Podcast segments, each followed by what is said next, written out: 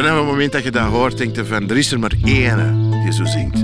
En dat is, dat is de Wannes. Verlicht der planetaire schijnen.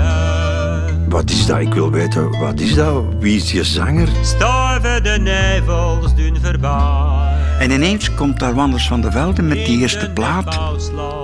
En dat was voor mij, ik was een, een jongetje van 17 jaar, dus uh, zot van de Beatles, de Kings, de Stones. Hoort daar ineens iets dat er totaal niet bij aansluit, dat er bijna haaks op staat.